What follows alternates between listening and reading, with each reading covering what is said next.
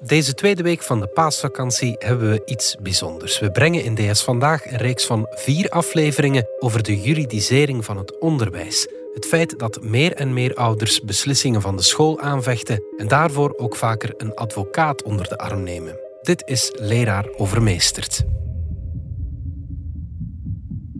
Ik vind absoluut dat leerlingen ergens terecht moeten kunnen om aan te kaarten dat er volgens hen dingen gebeurd zijn die niet oké gelopen zijn.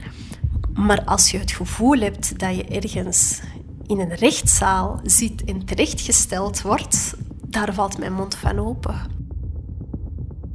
Ik denk dat het naïef is om zomaar uh, ervan uitgaan dat de leerkracht onaantastbaar is. Ik wil maar zeggen dat dergelijke absoluut vertrouwen dat dat uh, misplaatst is, omdat mensen mensen zijn.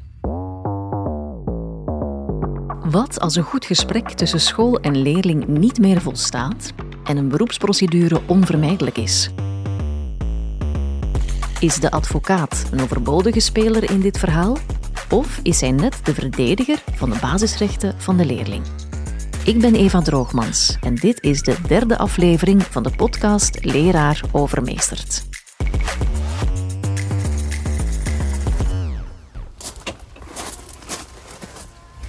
Hallo. Goedenavond. Niet te veel uh, file gehad?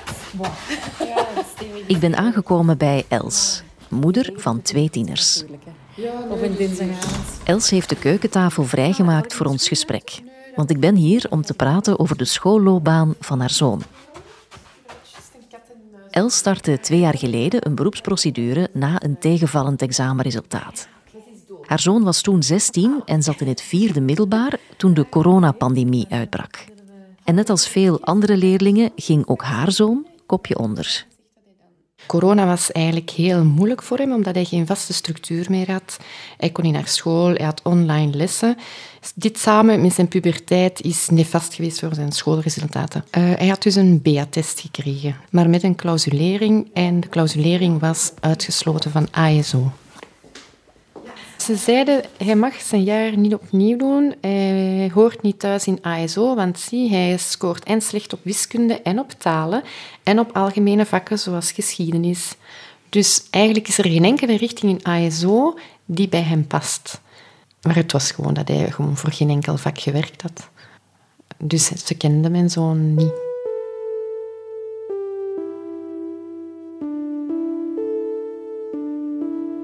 Wij vonden dat hij daardoor veel minder kansen had in de toekomst om naar de universiteit te gaan of hogere studies te doen. En wij vroegen eigenlijk gewoon een tweede kans, uh, dat hij zijn jaar zou opnieuw kunnen doen. De leerkrachten waren vrij akkoord, zijn tutelaris was akkoord, maar het was eigenlijk één persoon, de directeur, die zich daartegen verzette. Gesprekken met de directie leveren niets op en dus besluit Els om in beroep te gaan en zo te bekomen dat haar zoon zijn vierde middelbaar opnieuw mag doen in dezelfde ASO-richting.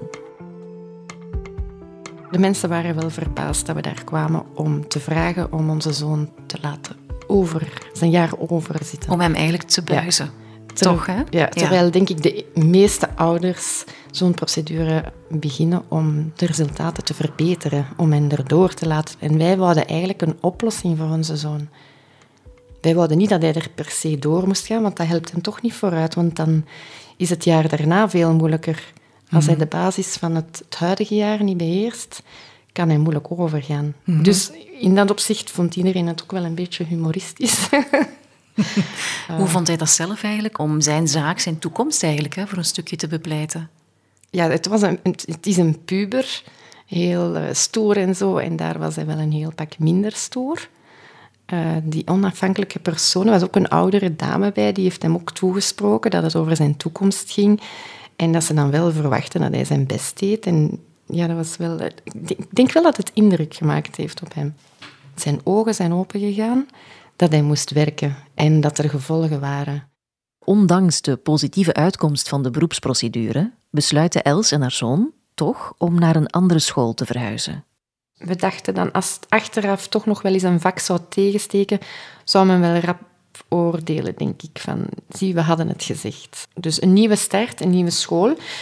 En dat maakt het voor hem ook makkelijker om dan te starten met jongere leerlingen in de klas, uh, die hij nog niet kende, mm tegenover leerlingen die hij al wel van de speelplaats kende. Want dat was voor, voor hem wel moeilijk om te blijven zitten. Els startte de procedure omdat ze haar zoon een tweede kans wilde geven. En ook omdat ze niet twijfelde aan zijn kunnen.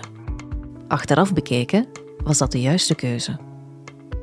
Het is nog altijd een puber, maar zijn, zijn ogen zijn open gegaan. Uh, hij weet ook als, er, als hij zijn best niet doet dat er gevolgen zijn. Uh, hij zit nu in het vijfde middelbaar, doet nog altijd wiskundewetenschappen, maar zijn vrienden zitten in het zesde middelbaar en kijken al uit naar hun verdere studies. En volgend jaar zullen die op kot zitten.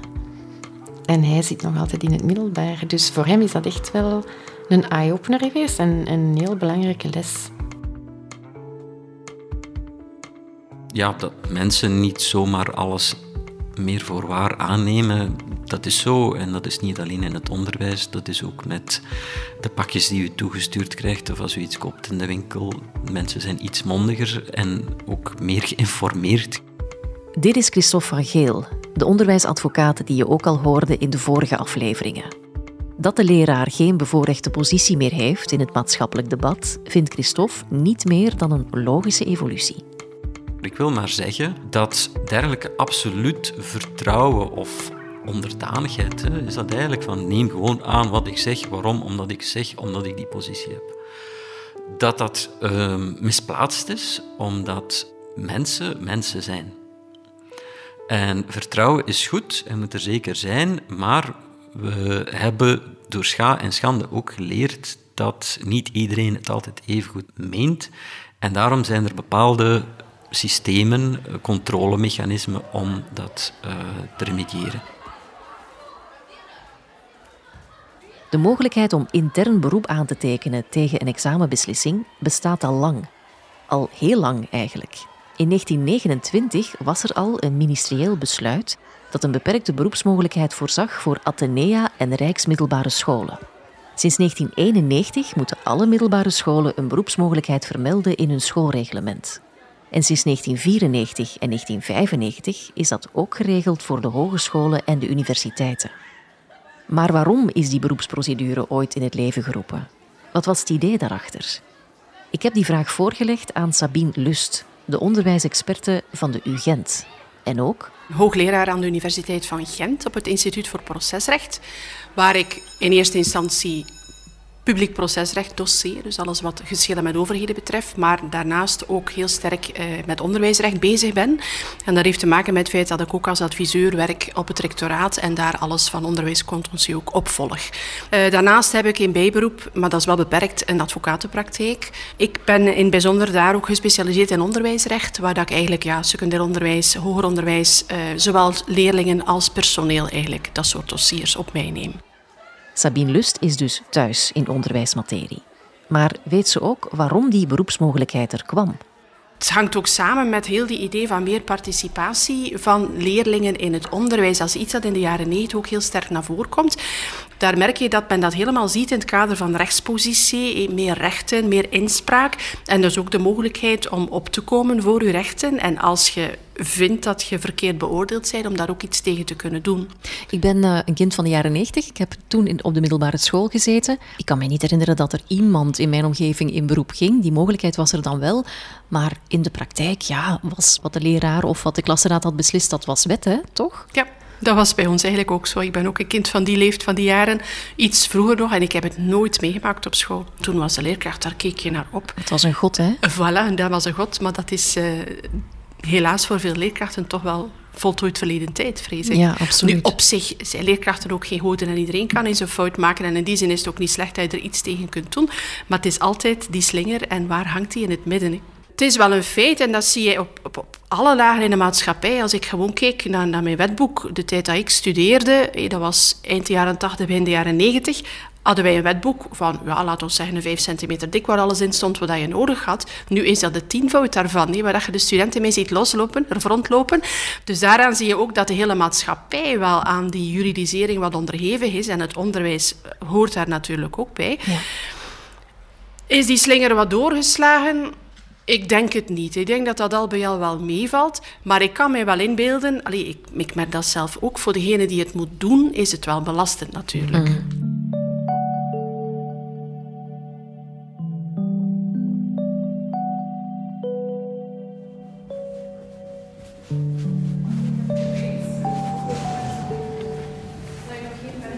Hallo, goedemorgen. Eva Droogmans voor Karen de Blende.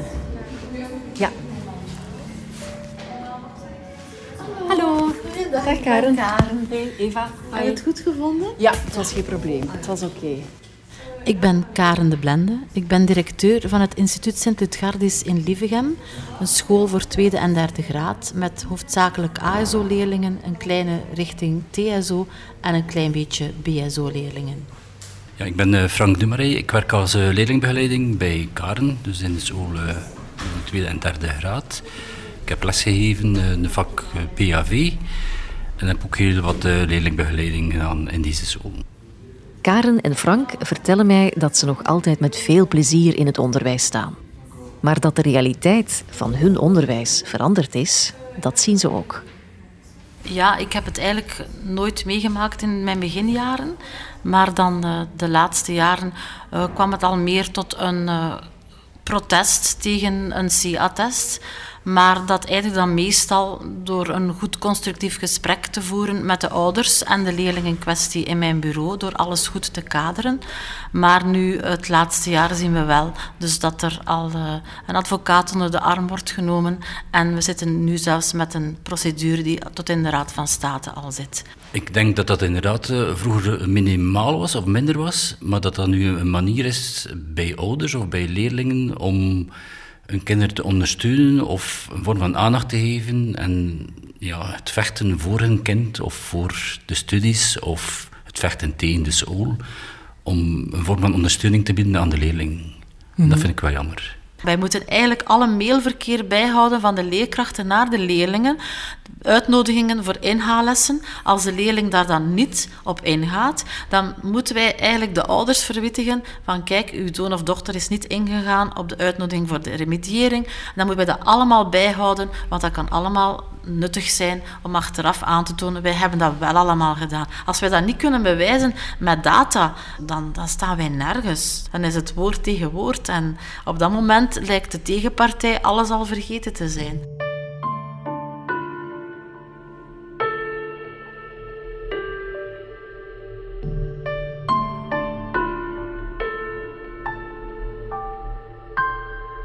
Karen is niet de eerste die mij vertelt dat het verzamelen van bewijzen dagelijkse kost is geworden in het onderwijs. Data zijn broodnodig om jezelf te kunnen verweren tijdens een bezwaar of een officiële beroepsprocedure. Zeker, zo vertelt ze, als je tegenover een advocaat komt te staan.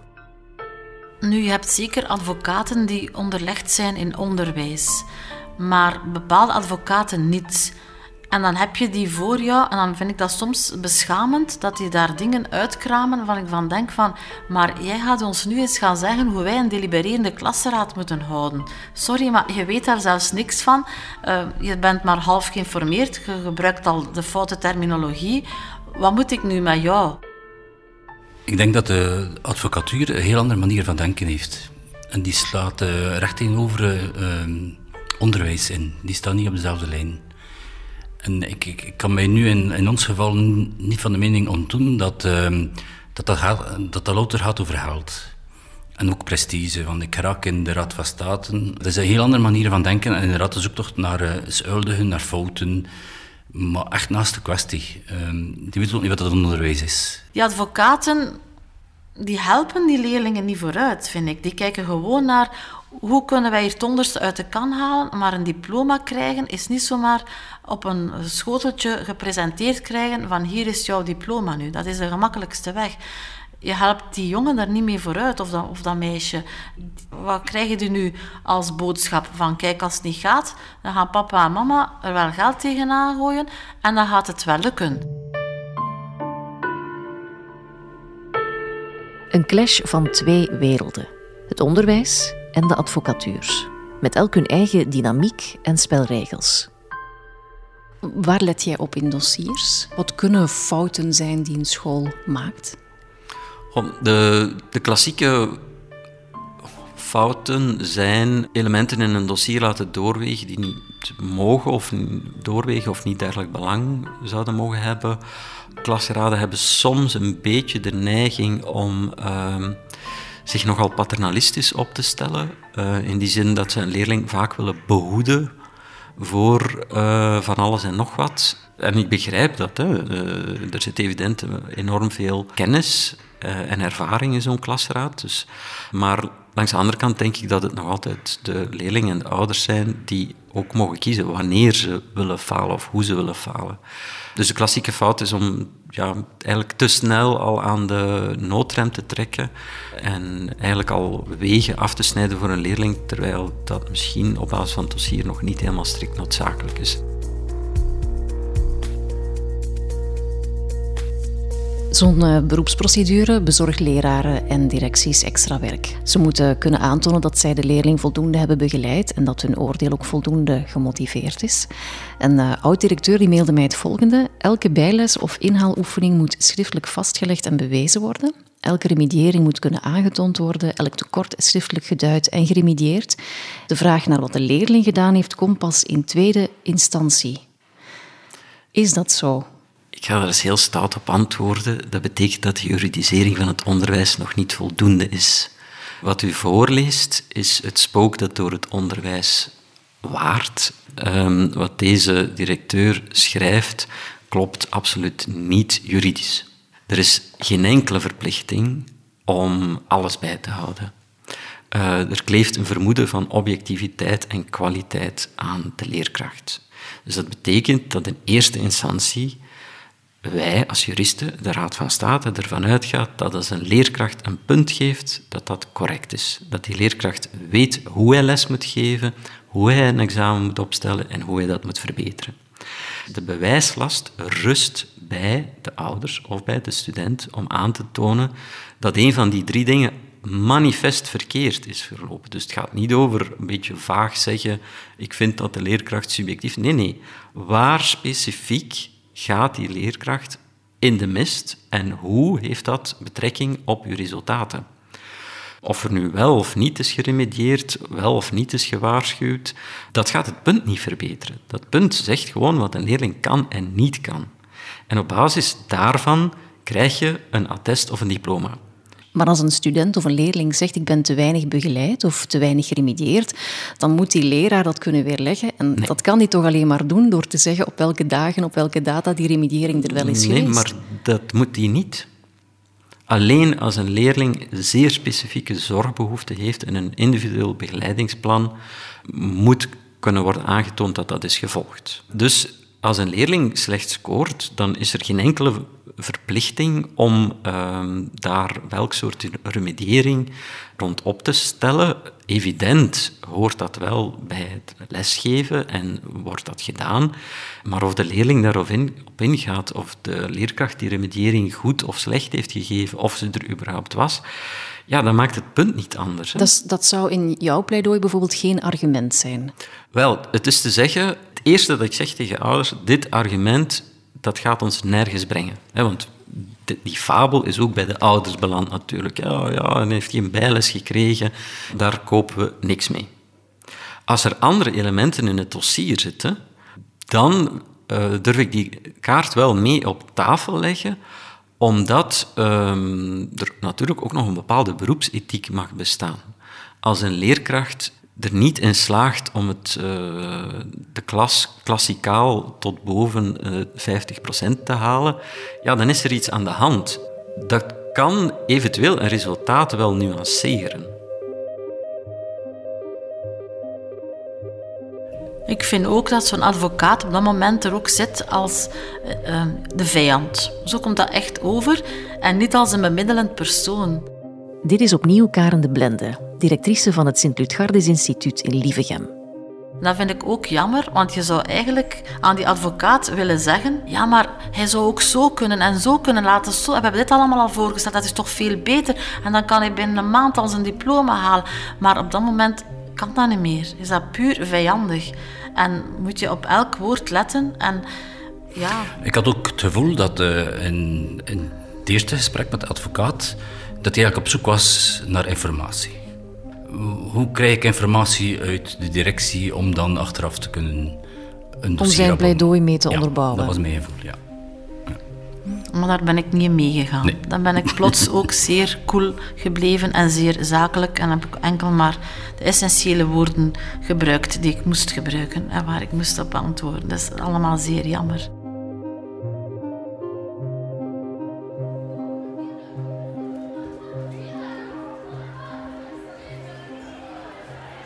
Ik kan me wel inbeelden als je, als je zo'n een, een, een, ja, een beroep gehad hebt, en zeker als je tekstel tegen je neus gekregen hebt, dat je op het moment wel je motivering wat verliest.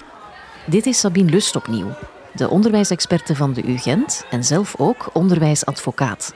Maar ook dat, ja, je moet dan ook durven de relativiteit daarvan inzien. hè. Ik bedoel, ja, ik heb ook al beroepen gehad over examencijfers dat ik gegeven heb. Als daar een keer enige rond is, ik zie dat ook een beetje als een accident de parcours. Oké, er is iets fout gelopen, dat kan een keer gebeuren, volgende keer beter. Ik wil je een aantal uitspraken voorleggen van mensen in, in eh, de onderwijswereld over onderwijsadvocaten. Die mensen hebben er een businessmodel in gevonden en zetten ouders actief aan om te procederen. Tijdens zo'n procedure gaat het niet over de inhoud, wordt er dus niet gekeken of die leerling de leerstof wel beheerst. Vroeg of laat loopt zo'n leerling gewoon tegen de muur, maar de advocaat heeft tegen dan al lang zijn geld opgestreken. Dat is hoe men kijkt eigenlijk Ja, naar maar ik denk dat je dat niet mocht veralgemenen. Eh ik weet, ik sta zelf ook in het beroep, dat er inderdaad advocaten zijn die... Ik zal niet zeggen dat ze actief leerlingen ronselen, maar die ook heel actief zijn op sociale media en dergelijke. En die dat soort contentieux ook wel aantrekken. En die, ja, die gewoon elke leerling die komt en die zegt ik wil een beroep indienen, dat hij die ook in- indient. Hè. Of dat hij nu weet op voorhand van dat heeft kans van slagen of dat heeft het niet. Maar ik denk dat dat echt wel een minderheid is. Ik denk dat de meeste advocaten niet met onderwijsrecht bezig zijn, dat echt wel op een andere manier benaderen. Allee, als ik kijk naar mijn eigen praktijk, ik krijg ook elk jaar ouders, ja, natuurlijk quasi altijd de ouders, die komen met het verhaal van ja, mijn, mijn, mijn zoon, mijn dochter is CL-test, BL-test, ja, kun je daar niets aan doen, kunnen we in beroep gaan en dit en dat. Maar ik, ben daar, ik heb ook zoiets van mensen, dat heeft ook niet altijd zin. Je bekijkt samen die punten, je bekijkt samen wat dat er aan achtergrond aan de hand is. En ik moet zeggen, als ik vijf mensen heb die komen met een vraag om een beroep in te dienen, en als ik er één indien, zal het al veel zijn. We moeten mensen ook niet in een procedure jagen waarvan dat je voorhand weet van dat loopt niet goed af. Maar goed, ik ben zo, eh, er zijn nog advocaten zo, maar er zijn helaas ook anderen. En die, ja, ik noem dat nestbevuilers, die zorgen er natuurlijk voor dat dat ook het beeld is dat van de advocatuur wordt geschetst. En ik vind dat eigenlijk zeer spijtig. Ik hoor ook mensen zeggen, de, de toon is zo hard. Want een advocaat zou misschien wel een soort van bemiddelende rol kunnen spelen tijdens zo'n procedure. Het is natuurlijk, je moet dat ook zien als een soort spel tussen aanhalingstekens. Je hebt als advocaat ook je rol. En je moet natuurlijk je klant ook verdedigen. En dat betekent dat je ook met harde argumenten moet kunnen komen. En dat wordt inderdaad soms wel wat, wat hard of toch zeer juridisch geformuleerd, waardoor dat, dat zeer hard overkomt. Maar ik denk, en daar zijn die hoorzittingen dan ook voor, dat is ook mijn ervaring, als je dan op die hoorzittingen die advocaten hebt en, en, en dat gesprek komt op hang, dan heb je toch heel vaak een ander verhaal dan wat er geschreven staat. En dan komt het wel heel vaak tot een dialoog. Maar je mocht op dat moment ook als school niet te defensief reageren. Je moet ook echt proberen om die dialoog ook uit te lokken. In de gesprekken die ik gehad heb met uh, onderwijzend personeel, heb ik nog niemand positief horen praten over onderwijsadvocaten. Ik hoorde een directeur zeggen, ze staan hier zelfs al naamkaartjes uit te delen als de studenten nog maar net hun rapport hebben gekregen. Ik kan mij voorstellen dat dat misschien wat agressief overkomt, als dat inderdaad in de praktijk soms gebeurt. Dat zou mij zeer sterk verwonderen, omdat uh, dat gewoon deontologisch ontoelaatbaar is. Het zou mij verwonderen. Waarom zou mij dat ook verwonderen? Omdat er maar een zeer beperkt aantal advocaten met deze materie bezig zijn. Ik ken die ook allemaal. En die gaan zich daar zeker niet mee bezighouden. Daar hebben we absoluut geen tijd voor. En jij deelt ook geen? Nee. Uh, maar bon, bedankt voor de tip. Ik zal het overwegen. Um, nee, evident niet. En nogmaals, maar het is natuurlijk uh, preken in de woestijn. Um, er bestaat zoiets als cognitieve dissonantie, dus ik ga degenen die ervan overtuigd zijn toch niet overtuigen. Maar de juridisering in het onderwijs en de rol van de advocaten met betrekking tot leerlingen is maar een fractie van alles wat zich op het niveau van het personeel afspeelt. Dus ik krijg hier um, ik krijg veel leerlingen tijdens het jaar over de vloer, maar ik krijg gedurende het jaar veel directies en leerkrachten over de vloer. met burn-out, met functionering, met tucht. Ja, het is, het is zo... Als het hen goed uitkomt, is de advocaat de boeman. Maar als ze hem nodig hebben, dan uh, willen ze toch de beste hebben of zo.